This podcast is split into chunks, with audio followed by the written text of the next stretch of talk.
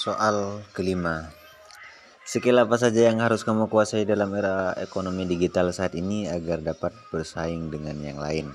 Yang pertama yaitu skill dalam berbahasa Inggris. Bahasa Inggris sangat penting untuk jenjang karir kamu, terlebih saat ini banyak peralatan atau alat pendukung pekerjaan yang mengoperasikannya menggunakan bahasa Inggris. Untuk meningkatkan kemampuan bahasa Inggris, kamu bisa mengambil kursus atau belajar sendiri di rumah menggunakan aplikasi di smartphone atau salah satu Duolingo.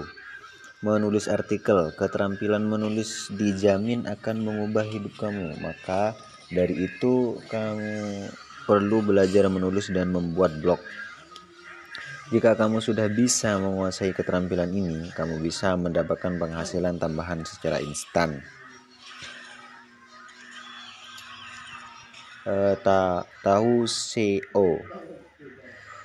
Uh, keterampilan menulis juga harus dibarengi dengan kemampuan search engine optimization.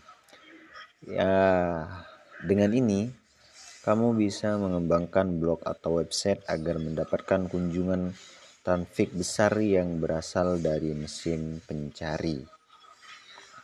Soal yang kedua, apa yang dimaksud dengan sosial and emosi, em, emosional skill. Mengapa skill ini penting? Uh,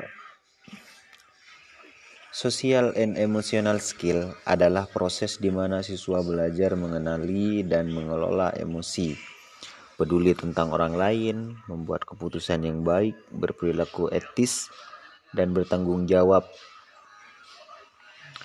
pengembangan hubungan positif dan menghindari perilaku negatif. Skill uh, sangat mempengaruhi pada jenis pekerjaan. Jadi, saat kita memutuskan untuk bekerja, satu hal penting yang perlu kita miliki adalah hard skill. Hard skill ini bisa dan lebih mudah untuk dipelajari oleh siapa pun selama kita menjalani dunia pendidikan sebenarnya apa pendidikan kita kita sudah diajarkan hard skill ini di zaman yang sudah modern ini apalagi sudah banyak orang-orang pintar lulusan lulusan dari universitas terbaik maka semakin ketat pula persaingan yang kita hadapi yang sudah terlintas jelas oleh mata begitu banyak pengguna pengangguran yang terjadi di negara kita sendiri. Padahal begitu banyak lapangan kerja yang dibuka, hanya saja skill yang kita miliki masih belum matang, kurang pede, atau masih menjadi hantu dalam kehidupan kita.